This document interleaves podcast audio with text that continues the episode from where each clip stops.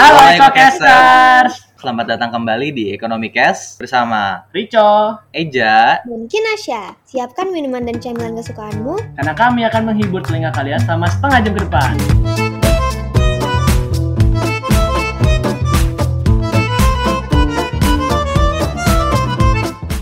Halo Ekokasters. Halo Ekokasters. Yes. Kembali lagi bersama kami bertiga di Oh iya minggu kemarin gue lupa ngomong ini. Selamat datang kembali di podcast nomor satu di alam semesta. Uh, Ada. kita lupa itu. Gue tuh gue tuh lupa ya. merasa menyesal gitu loh. iya pak, masa masa tagline bisa lupa anjir. Nah oke anyway, karena kami tidak akan melupakan Ekocaster, jadi kami akan menyapa kalian hari ini. Halo Ekocaster, di mana pun kalian berada dan apa pun yang sedang kalian lakukan dan semoga kalian selalu sehat Sehat-sehat selalu. Baik lah, baik, baik. Kabarnya baik pastilah ya. Amin, amin. Nah, semoga kalian masih betah mendengarkan suara kita karena kali, kali ini kita akan ngomongin sesuatu yang seru gitu. Baru kan, belum ngebahas ini sebelumnya kita bertiga ya. Iya, padahal kita udah udah gatel gitu kayak pengen ngomongin ini dari kemarin, cuman ya gitu deh. Nah, sekarang hari ini kita mau bahas, Pak. Timingnya baru sekarang nih. Tahu gak nih Ecocasters? Tahu gak nih Eco eh tapi Ecocaster pasti tahu sih karena dia udah baca judul kita kan. Ya udah pasti dong. Ya udah, jadi mungkin kita akan memberikan sedikit konteks lagi dulu ya. Jadi hari ini kita akan ngomongin soal cinta. Nah ini cinta tuh sebenarnya sangat sangat sangat seru untuk diomongin gitu. loh. Cuman cuman karena mungkin karena Eja kan ceweknya banyak dan gue juga pacaran ya baru baru kali ini doang Enggak gitu. gitu dong, cowok. Jadi mungkin- cewek gue satu. I- iya juga sih. Cuman kan cam-caman lu banyak gitu loh Ja. Jadi gue kadang-kadang suka berpikir lu kayak udah pakar cinta banget nih. Jadi Waduh. kayaknya cocok buat kali ini ya. Waduh. Nah, nah untuk untuk episode kali ini kita akan membuat clear dulu gitu. Apa sih sebenarnya yang konteksnya cinta yang seperti apa? Apa kita akan ngomongin soal cinta? Aku cinta pizza atau aku cinta hewan peliharaanku? Enggak kan? Kita nggak akan ngomongin itu. Jadi kita akan ngomongin soal hubungan romantis. Gitu, Pak. Hubungan manusia dengan manusia. Betul. Jadi apa hubungan romantis itu? Kenapa dia tuh disebut hubungan romantis bukan hubungan doang? Apa bedanya sama hubungan gue sama Eja? Gue sama Eja nggak mungkin hubungan romantis dong ya kan? Hmm, Sama-sama udah punya. Sama-sama suka sama cewek soalnya kita berdua. Iya, karena kita sama-sama menyukai ya nggak usah kita sebut lah. Oke, anyway, jadi tak kami tuh bukan hubungan romantis. Tapi apakah hubungan romantis itu sebatas kelamin? Belum tentu juga kan? Enggak sih. hubungan romantis bisa aja orang-orang orang-orang LGBT juga hubungan romantis gitu loh. Jadi apa perbedaannya dengan hubungan biasa? Nah, ini jadi hubungan romantis itu dari yang gua tahu ya, ini menurut gue nih Ja. Jadi hubungan romantis itu adalah hubungan yang disepakati bersama gitu loh. Kayak maksudnya eh gua sama cewek gue udah sama-sama sepakat bahwa kita mau berkomitmen ke depannya sebagai mungkin sebagai pacar untuk saat ini, tapi nanti bisa juga eh, kita upgrade komitmen kita gitu loh. Jadi suami istri mungkin, amin. Amin. Nah, gitu kita eh, kalau misalkan jadi jadi kalau mungkin ada yang bertanya-tanya, jadi apakah kita akan ngomongin orang yang masih PDKT doang? Enggak, karena kita tidak peduli dengan kalian yang masih PDKT. Kalian tuh belum ada hubungan romantis, Belum Pak. jelas itu hubungannya. Iya, iya kan, belum jelas kan. Maksudnya belum ada kesepakatan untuk pacaran, belum ada komitmen ke depan. Siapa tahu sebelah tangan. Kan malu kalau sebelah tangan udah pede banget. Iya. PDKT itu depannya PDKT. Lu doang yang pede gitu loh. Ya bisa aja dia tidak menganggap lu sama kan. Jadi nggak usah marah gitu loh. Nah, karena PDKT itu baru eh, perkenalan gitu lah ya, Ja. Jadi kayak kita hari ini nggak ngebahas soal itu konteksnya. Nah, kita akan membahas yang lebih udah punya udah punya komitmen, udah punya kesepakatan bersama. Kayak misalnya udah pacaran deh dan nikah gitu loh. Kayak misalnya eh lu tahu soal ini gak sih, Ja? Yang apa namanya? jenis-jenis cinta yang kayak ada eros, agape, gitu-gitu, tahu kan? Hmm, iya iya. Storge, tahu kan? Nah jadi kan itu banyak tuh kayak agape adalah cinta tak tak apa namanya? Cinta yang sangat berbelas kasih dan tidak mengharapkan kembali itu kayak cinta dari Tuhan ke kita. Tapi kita nggak bahas itu. Kita tuh bahas ke partikular yang storge. Storge itu adalah love and friendship. Jadi dari friendship bisa timbul love juga. Tapi kita akan ngomongin ke storge dan erosnya mungkin ya. Sedikit banyak kan eros itu hubungan suami Iya, istri ya. Maksudnya itu udah pasti punya komitmen dulu untuk untuk bisa ke situ. Kita akan lebih ngebahas soal storge dan erosnya di sini. Nah, jadi sebenarnya yang yang menjadi kriteria utama, yang tiga kriteria utama seseorang itu memilih pasangan romantisnya itu adalah self identity, kesamaan, dan proximity.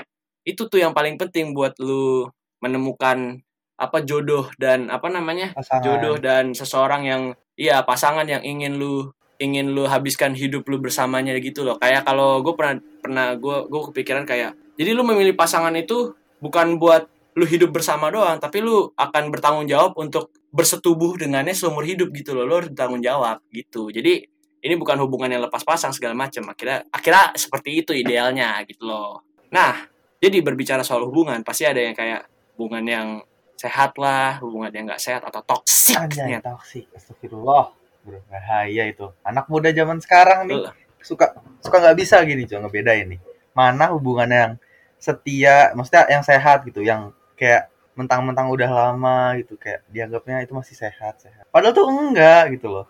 Itu ada ada sangkos yang kadang tuh dijadikan sebuah alasan mempertahankan hubungan yang toksik gitu, tidak baik. Mm-mm, betul. Ada juga orang anak muda sekarang kan yang penting saling memegang kelamin itu disebut relationship yang baik gitu loh. Kan kan healthy healthy relationship tidak selamanya hanya saling-saling bertukar eh, lendir doang kan.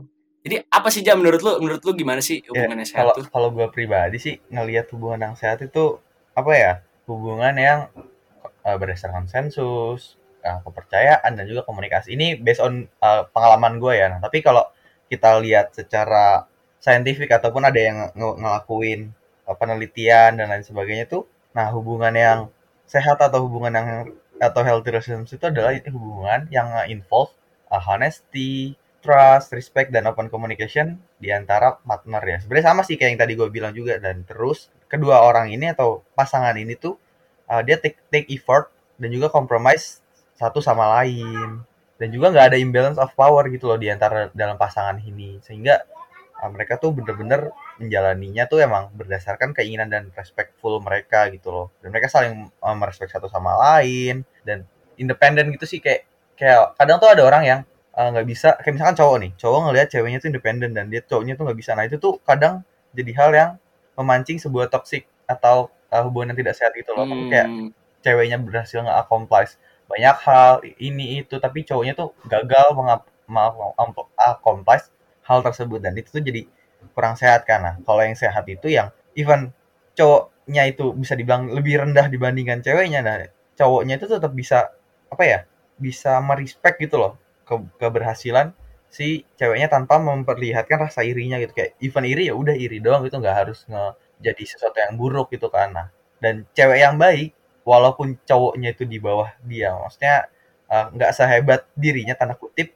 tetap bisa merespek uh, pasangannya gitu kan kayak ya respect each other's independency gitu loh kayak karena banyak juga kan Jay yang kayak apa namanya kalau ceweknya sukses dia jadi kerja kantoran terus dia bilang apa namanya gaji kamu gede Iya, nih gini gini gini kenapa insecure kenapa gitu. kamu nggak iya jadi insecure kenapa kamu nggak jaga anak aja di rumah kan kodrat kamu sebagai wanita Ah, seperti itu ha tidak baik tidak bisa tidak bro bisa.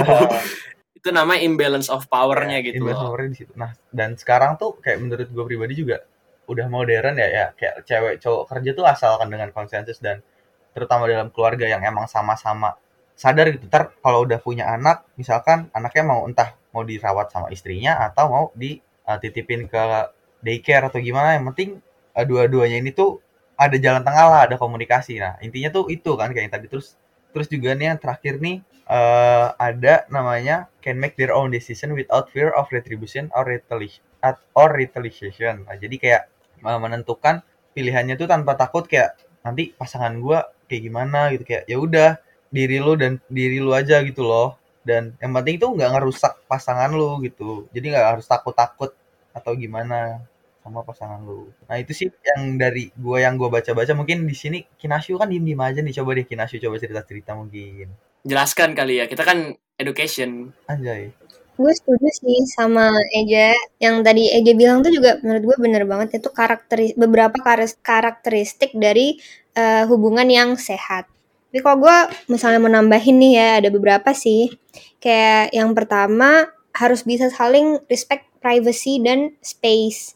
Kayak kebanyakan teman-teman gue dari yang gue lihat ya, mereka tuh nempel terus nih sama pacarnya dan itu mereka anggap sebagai eh, hubungan yang sehat. Padahal kayak nggak selalu kayak gitu kan. Lo eh, harusnya juga punya waktu buat main sama teman-teman lo, sama peer lo dan gak harus Hmm, eh, betul. 24/7 sama pacar lo gitu. Terus em, eh, terutama kayak misalnya lo punya hobi nih yang beda sama pacar lo. Tapi pacar lo ini nggak ngizinin lo buat ngelakuin hobi itu. Nah, Mm-mm. itu udah Iya mungkin mungkin kan bisa juga kayak kayak kalau misalkan gua kan hobinya cat motor gitu kan mungkin pacar gua nemenin aja gitu loh meskipun dia nggak suka ya seenggaknya jangan ngelarang-larang atau Hmm. misalnya kayak ih pokoknya kalau kamu mau cat motor lagi kita putus kan mager sih kacau tuh kacau banget sih nggak sehat itu mah. Seenggaknya yang nggak dilarang tuh yang nggak menyakiti, at least nggak menyakiti Iya. apa nggak menyakiti diri lu gitu loh. Kayak kayak lu kalau misalkan mau bunuh diri ya dilarang lah pasti gitu kan. iya kecuali kecuali hobi lu narkoba lah itu beda dong pak kalau itu beda Iya, jadi eh, masing-masing dari pasangan tuh harus apa ya? Harus jadi diri sendiri lah, harus nyaman jadi diri sendiri eh, tanpa harus apa ya terlalu takut lah nanti pacarnya mau ngomong apa tentang dia. Menurut gue itu masih dalam batas hubungan sehat sih. Terus apa lagi ya? Oh, terus ini nih yang gue sering lihat juga dari beberapa temen gue ya. Banyak yang suka dipaksa-paksa sama terutama kalau cewek ya sering-sering dipaksa sama cowoknya kan kayak hmm, no jangan dong kan bikin gak nyaman terus kayak gaslighting gitu loh oh iya gak sih kayak kayak misalnya gini gak sih kayak kayak aku selingkuh gara-gara kamu nggak kasih pap gitu kan ada tuh anjing yang kayak gitu. Iya iya ih toxic. Parah parah parah parah. Itu sih kayaknya tuh sama misalnya ada ini nih konflik. Kan sering ya pasti pasangan namanya hubungan antar manusia eh, pasti ada nggak sih konflik? Apalagi pacaran gitu ya. Nah itu masing-masing harus bisa dewasa lah dalam menghadapi eh, konflik ataupun kayak kalau ada disagreements juga. Juga itu sih. Hmm. Nah, jadi mungkin kan kita bertiga sudah gimana ya dari tadi kayak oh yang healthy relationship gitu atau Eko Caster juga mungkin mikir kayak hmm begitu ya. Mungkin kita ada yang ngerasa gak sih kayak hubungan ini kok tidak tidak masuk ke dalam kriteria yang tadi gitu loh. Apa hubungan gue toksik gitu kan? Ya kan bisa kan? Tiba-tiba kepikiran menghentikan hubungan. Iya, aku jadi kepikiran menghentikan hubungan ya karena karena aku merasa aku dieksploitasi oleh cowok aku. Ya kan bisa saja. gitu ya. tapi ya ya kami kami berharap sih eh EcoCaster yang ya semoga tidak mengalami hal seperti itu. Yang Cuman kalaupun misalnya iya, tapi kalau misalkan kalian memang apa namanya memang sudah terjebak itu kan sebenarnya agak sulit ya untuk mengakhiri hubungan. Cuman kalaupun misalnya kamu eh kamu lagi misalnya kita mau mengakhiri hubungan tuh sebenarnya harusnya ada etikanya. Etika itu kayak misalkan karena kalian pas jadian kan juga baik-baik gitu loh. Masa putusnya nggak baik-baik sih gitu kan. Cuman secara secara on paper tuh gampang banget kita bilang kayak gitu kan pas jadian baik-baik putus juga baik-baik. Cuman pada kenya- pada kenyataannya kan sulit bro. Nah, sangat banget kan sulit. sangat kebawa sulit. emosi lah. Iya pasti kebawa emosi. Terus kalau misalkan itu juga etikanya kan kita harus eh, berdasarkan kesepakatan bersama ya kan kayak lu putus oke kita sama-sama putus baik-baik. Sebenarnya eh, itu mudah diucapkan tapi tidak tidak tidak bisa dilakukan dengan mudah di dunia Praktiknya nyata agak sulit gitu. ya praktiknya tuh. Karena Betul. dalam praktiknya ini kita tuh harus bisa mengkontrol emosi kita dengan utuh gak sih Jo?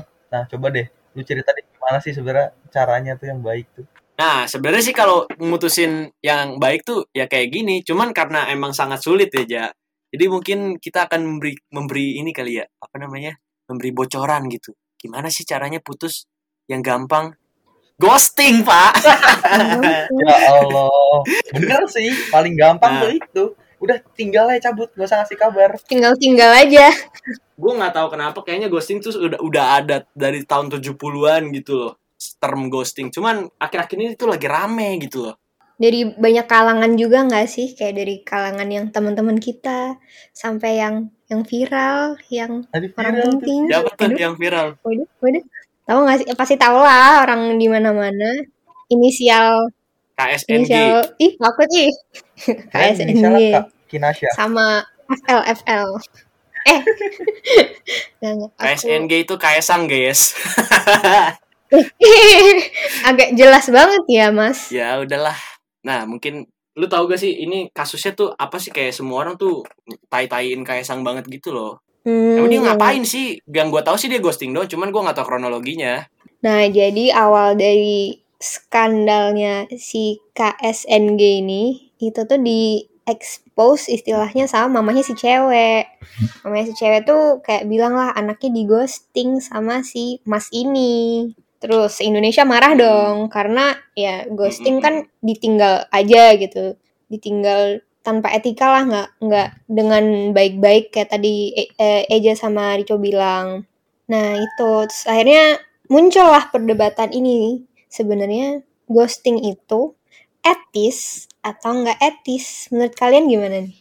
Eh, sebelum kita bahas itu kayaknya menurut gue ya gue mesti state ini dulu. Kayak misalkan ghosting itu kayaknya apa ya mesti ada alasannya juga gitu loh. Karena kita kan sebagai sebagai penikmat konten media sosial doang kan. Kita kan nggak tahu apa yang terjadi sama si KSNG dan. FL ini kan. Iya di balik itu kan kita nggak tahu gitu loh. Jadi ya dari apa yang kita tahu doang ya sebenarnya ya udah dia tai. Jadi karena ya mungkin juga bisa satu pihaknya tuh bisa apa namanya kurang bisa menerima bahwa sebenarnya hubungan kita tuh tidak baik-baik saja. Dia tuh membuat ilusi seakan-akan hubungannya tuh baik-baik saja padahal sebenarnya tidak gitu loh. Ya kan mungkin juga bisa aja nih ghosting ini kan sebagai cara terakhir karena yang mau putus baik-baik tidak bisa dan lain-lain gitu kan. Jadi eh, jadi jadi intinya kayak stalemate gitu loh yang satu mau putus yang satu nggak mau putus. Jadi kan sulit kan? Udah bentok udah bentok iya udah mentok pak. Apa namanya? Eh, in unstoppable object meet immovable object. Kayak gitu. Mungkin kan bisa aja. Kalau menurut gue sih gitu.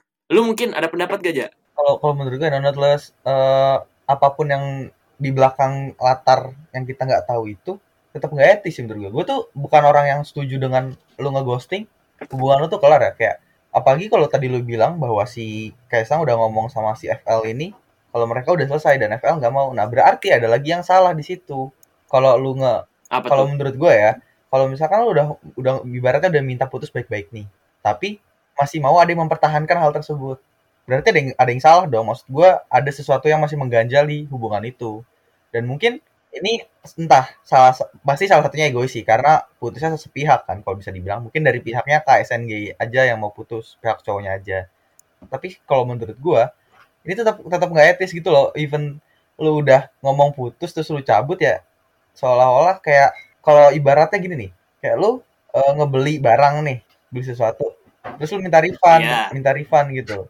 Terus ditanya sama orang sama yang jualan refundnya kenapa? Nggak apa-apa gue minta aja ini, ini ini menurut gue ya mungkin mungkin agak nggak masuk akal tapi menurut gue tuh kayak gitu gitu loh. Kayak nggak dijelasin secara secara utuh makanya masih stalemate tadi kayak yang lu bilang juga. Jadi ya sebenarnya komunika kalau karena gue orang yang sangat menjunjung komunikasi dalam bentuk apa pun even itu nyakitin diri lu sendiri tapi kalau udah lu komunikasi tuh kayak ya selesai lah selesai bener-bener selesai cut off gitu. Nggak malah jadi ngegantung dan drama semua semuanya gini nih kalau misalkan si KSNG ini selesai dan udah bener selesai nggak ngeghosting menurut gua nggak bakal drama lah. Tapi tapi tapi menurut gua umpama lu tuh tadi kagak kagak bisa dimasukin ke sini Bisa pak. juga. masa karena masa lu kayak balikin barang? Enggak maksud gua gini. Kalau misalkan si kaisangnya udah pengen putus tapi Vele-nya nggak mau ya berarti ya ya masa mau dipaksain gitu? Kan maksud gua kaisangnya udah nggak cinta lagi gitu loh. Cinta kan nggak bisa dipaksain iya juga kan? paham paham. Nggak gua gua nggak maksain buat mereka tetap berjalan. Maksud gua adalah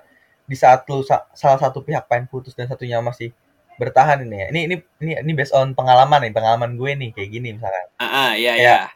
ini tuh di, di pihak satunya lagi tuh padahal dia sama-sama putus gitu. Tapi satunya lagi emang ada yang mungkin ada yang mengganjal dan mungkin jadi kepikiran atau gimana gitu. Dan mungkin salah satunya masih sayang banget atau mungkin pe- penjelasannya kurang atau gimana. Nah itu di situ yang tahu ya cuman dua insan ini aja menurut gua. Dan kalau dengan cara lu ngeghosting itu tuh bisa jadi emang emang bisa buat eh, menyelesaikan permasalahan ini ya. Kalau si satunya ini orangnya ide gaf gitu dan give a fuck sama ya udahlah gua juga bodo amat deh. Karena udah lu ghosting ya udah. Nah kalau misalkan macam si FL ini dia kan kayak tipe-tipe orang yang overthinker gitu gak sih kayak aduh gua mikirin terus Iya, mikirin iya, terus iya. terus ujung-ujungnya nyokapnya lah yang bertindak karena anaknya udah overthinker gitu udah overthinking nyokapnya aduh ini anak gue kenapa nih ada yang salah nih makanya Mm. gua begitu kayak tidak baik lah ghosting ghosting ini tapi ya semua balik lagi ke konteks Iya iya.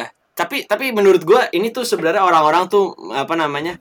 Orang-orang tuh permasalahannya bukan karena cinta mereka udah nggak bisa dijalanin gitu loh, Jo. Tapi orang-orang tuh nganggapnya karena oh ini udah lima tahun nih terus sudah dijanjiin nikah nih segala macem. Maksud gua apa karena itu lu nggak boleh mengakhiri hubungan? Nah, Orang-orang tuh jadi dari hubungan hubungan mereka yang berdua doang nih tadinya Jadi terus jamaah. kayak satunya udah merasa iya iya jadi jamaah bener jadi semua orang kayak lu kan udah lima tahun masa putus sih gini gini gini gini kan maksud gua cintanya kan nggak bisa dipaksain juga pak maksudnya despite lu udah lima tahun atau 10 tahun atau keluarga lu udah mau nikah ya maksudnya kalau emang udah lu nggak bisa lihat masa depan dari hubungan lu itu ya ngapain dipaksain juga daripada nanti sampai nikah malah cerai kan jadinya Nggak baik juga. Iya. terus terus ini juga nih satu, satu poin lagi nih gua. Gue tuh mikir mungkin ya ini dalam kasus tertentu aja sih mungkin. Kayak ghosting tuh bisa bisa positif gitu loh dibandingin dibandingin apa ya? Lu mutusin ngomong langsung gitu. Karena kadang-kadang ada ada tipe orang yang kalau misalkan kita ngomongin langsung nih mau putus nih itu kan berarti kita harus menjabarin apa yang salah kan itu bukannya bakal lebih sakit dibandingkan lu harus ngilang aja gitu. Kayak apalagi apalagi ada orang juga yang kayak misalnya dia mau putus nih tapi ceweknya tuh nggak mau putus. Jadinya jatuhnya apa? Nyari-nyari alasan pak.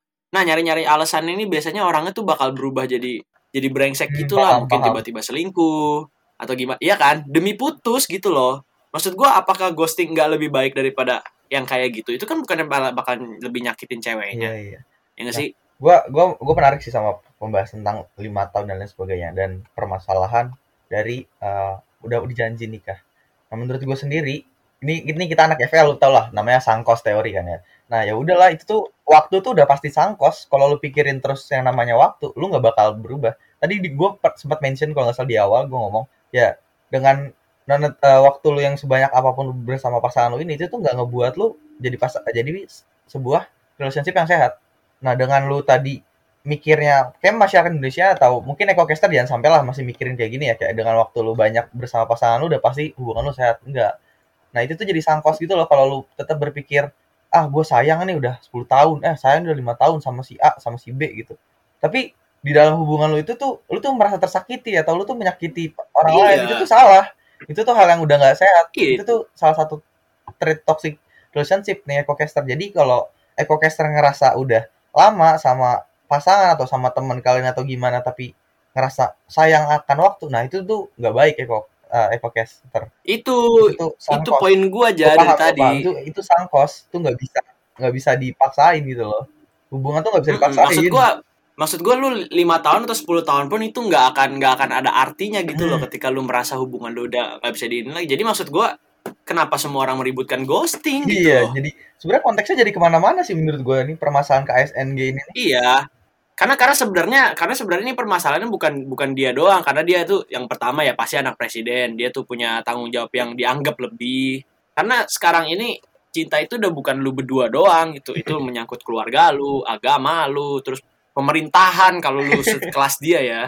Kalau kalau kita doang sih ya kayak bodo amat lah nggak bakal nyampe ke pemerintahan. Gitu loh maksud paham. maksudnya eh, walaupun sebenarnya ghosting tuh rada egois. Gua apa ya cuman itu mungkin lebih baik iya. sedikit dibandingkan lu harus melakukan kayak misalnya kayak sang selingkuh lah atau apa demi mut demi putus gitu loh. Karena gue merasa juga ini pasti mereka tuh udah yang kayak gue bilang tadi mungkin dia tidak bisa melihat bahwa hubungannya tuh udah nggak baik-baik aja. Mungkin ini udah menjadi satu hubungan yang toksik ya ini kan di, ini kan asumsi gue ya. Mhm. gue nggak tahu juga.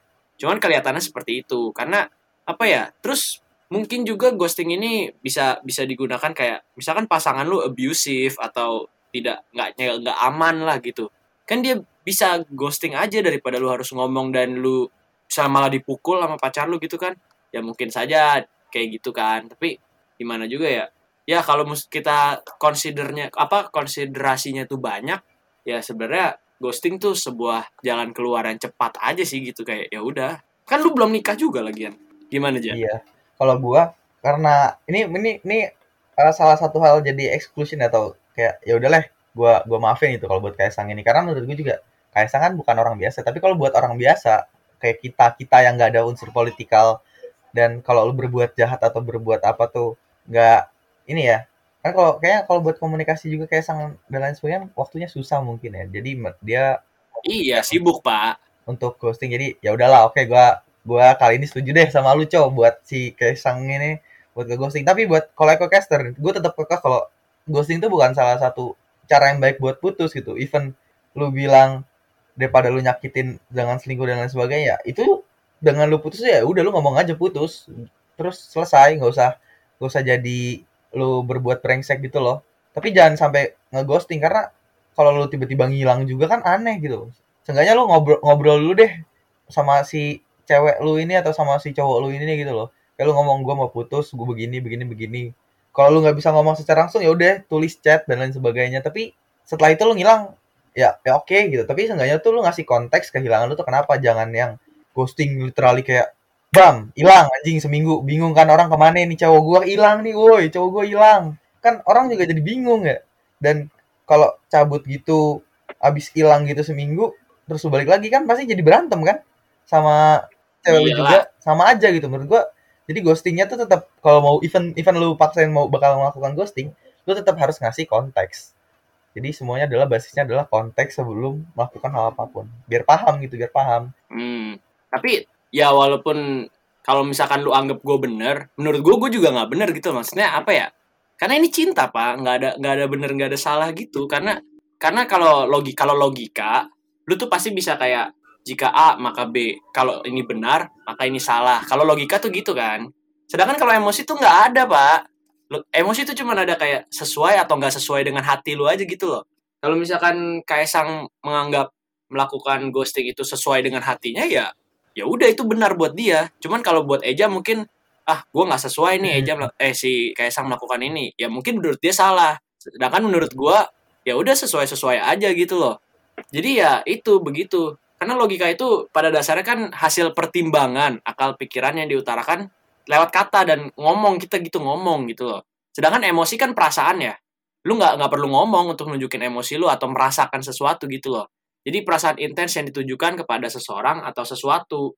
Emosi tuh nggak punya boundaries benar dan salah gitu. Makanya menurut gue dalam dalam lu ber- dalam lu cinta seseorang, lu tuh sebenarnya nggak ada nggak pakai logika. Lu Gua setuju, iya kalau misalkan lu cinta sama seseorang, kalau misalkan lu cinta nih sama seseorang, tapi lu pakai logika dengan logika lu yang punya kerangka berpikir kayak jika A maka B, lalu jika aku setia dengan dia maka dia akan setia sama lu. Ya jatuhnya lu jadi demanding gak sih? Dan ketika dan ketika apa namanya kenyataan itu tidak sesuai dengan logika lu, lu akan merasa sakit hati gitu loh. Lu lu tuh menggunakan emosi untuk men- memberikan diri lu sepenuhnya pada hubungan itu. Nah ini gue ngomongin soal logika dan emosi ini dari tadi. Sebenarnya yang gue bilang logika tuh nggak perlu dan lu dalam satu hubungan itu cuman pakai emosi. Itu dalam konteks hubungan lu berdua doang ya ya logika itu kepa itu logika itu kepake ketika lu harus berhadapan dengan setelah atau di luar dari hubungan lu kayak misalkan hubungan lu berdua dengan keluarga hubungan berdua lu dengan masyarakat kalau ada variabel tambahan logika. lain harus ada pemikiran konsen eh konsensus Maksud- maksudnya kalau udah bukan di antara lu berdua lu tuh harus memikirkan sebab akibat apa yang lu, lu lakukan ini juga kan dengan logika itu. Bener sih. Iya betul. Makanya kalau misalkan si Kaisang melakukan ghosting secara emosi mungkin dia akan merasa sesuai. Tapi secara logika itu akan menyakiti dia sendiri merusak reputasinya dan lain-lain gitu loh. Karena logika itu dipakai untuk menyelesaikan masalah di luar hubungan interpersonal lu berdua doang. Menurut gue sih gitu. Jadi kalau kalau disimpulin kalau disimpulin tuh kayak lu dalam satu hubungan kalau lu pakai logika doang nih kayak wah pokoknya gue anak logika banget nih. Itu lu nyamannya menyakiti diri sendiri juga gitu loh karena lu demanding jatuhnya. Dan kalau lu pakai emosi doang itu lu jadinya irasional dan nggak ada etikanya gitu karena lu cuma berdasarkan berdasarkan hati lu doang. Kayak lu misalkan suka sama cewek lain tiba-tiba dalam satu hubungan ya lu selingkuh. Ya secara emosi lu lu pengen begitu tapi secara logika nggak bisa pak. Ya kan jadi jadi ini semua harus berjalan berdampingan gitu loh. Ya lu tahanlah emosi lu dengan logika gitu loh. Bener karena logika tuh logika punya boundary sedangkan emosi nggak punya boundary. Nah itu logika itu menjaga supaya emosi lu tuh nggak keluar dari boundary logika. Nah menurut gua kalau Kaisang ini mungkin udah di, udah keluar dari boundary-nya logika karena dia nggak mempertimbangkan dampaknya mungkin ya setelah melakukan ini gitu loh.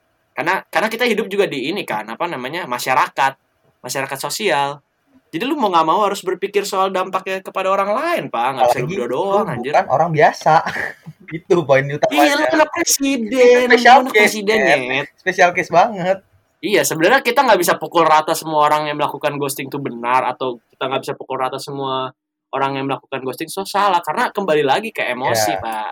dan kondisi kalian berdua kayak gimana Hmm. gitu loh maksudnya pasangan kalian tuh kayak gimana Iya. yang tahu ya cuman kalian berdua jadi kayak EcoCaster nih harus bisa tahu lah hal apa yang harus EcoCast ambil di tengah hubungan kalian gitu kayak percuma lah Hmm. lu uh, dengerin ceramah dari A, uh, kuliah umum B, C, D dan lain sebagainya. Tapi kalau lu tuh nggak, sebenarnya lu nggak tahu apa sih yang diminta sama pasangan lu atau apa sih yang lu mau dari diri lu sendiri.